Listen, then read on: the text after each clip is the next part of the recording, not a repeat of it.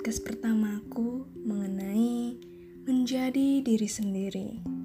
Semakin bertambahnya usia, kita semakin mengenal perkembangan dunia yang juga menuntut kita melakukan ini dan itu untuk bisa menjadi standar dari perkembangan zaman ini. Dituntut untuk bisa menyesuaikan, untuk bisa berinovatif, atau yang paling mengerikan adalah mengubah diri sendiri.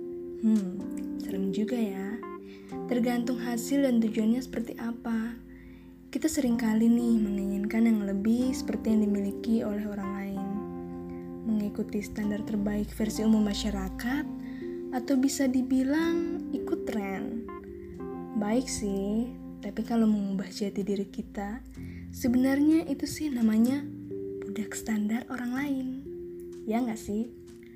Kita harus bisa memfilter segala pandangan yang ada, karena semua belum tentu baik untuk diri kita. Tidak salah mengikuti perkataan orang jika itu membuat diri kita semakin bertumbuh dan menjadi perbaikan dalam kesalahan. Yang menjadi salah adalah kita mengubah jati diri kita ke arah yang salah.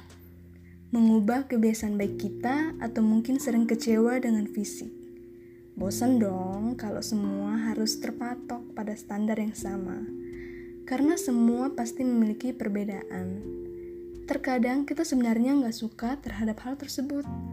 Tetapi di pandangan kita dan banyak orang, kalau hal itu sudah menjadi hal yang biasa atau suatu keharusan, pandangan tersebut bisa menjadi siksaan di batin kita dan bisa juga merampas kebahagiaan kita yang sebenarnya.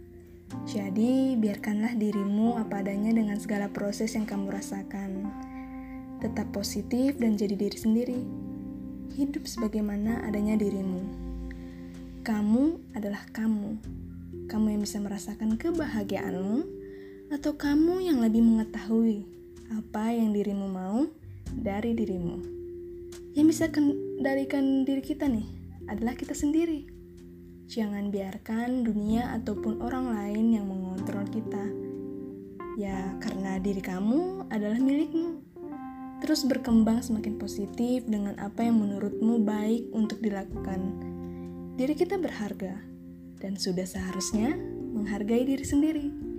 Tampilkanlah jati dirimu dengan kebanggaan yang ada dalam dirimu, bahwa inilah saya.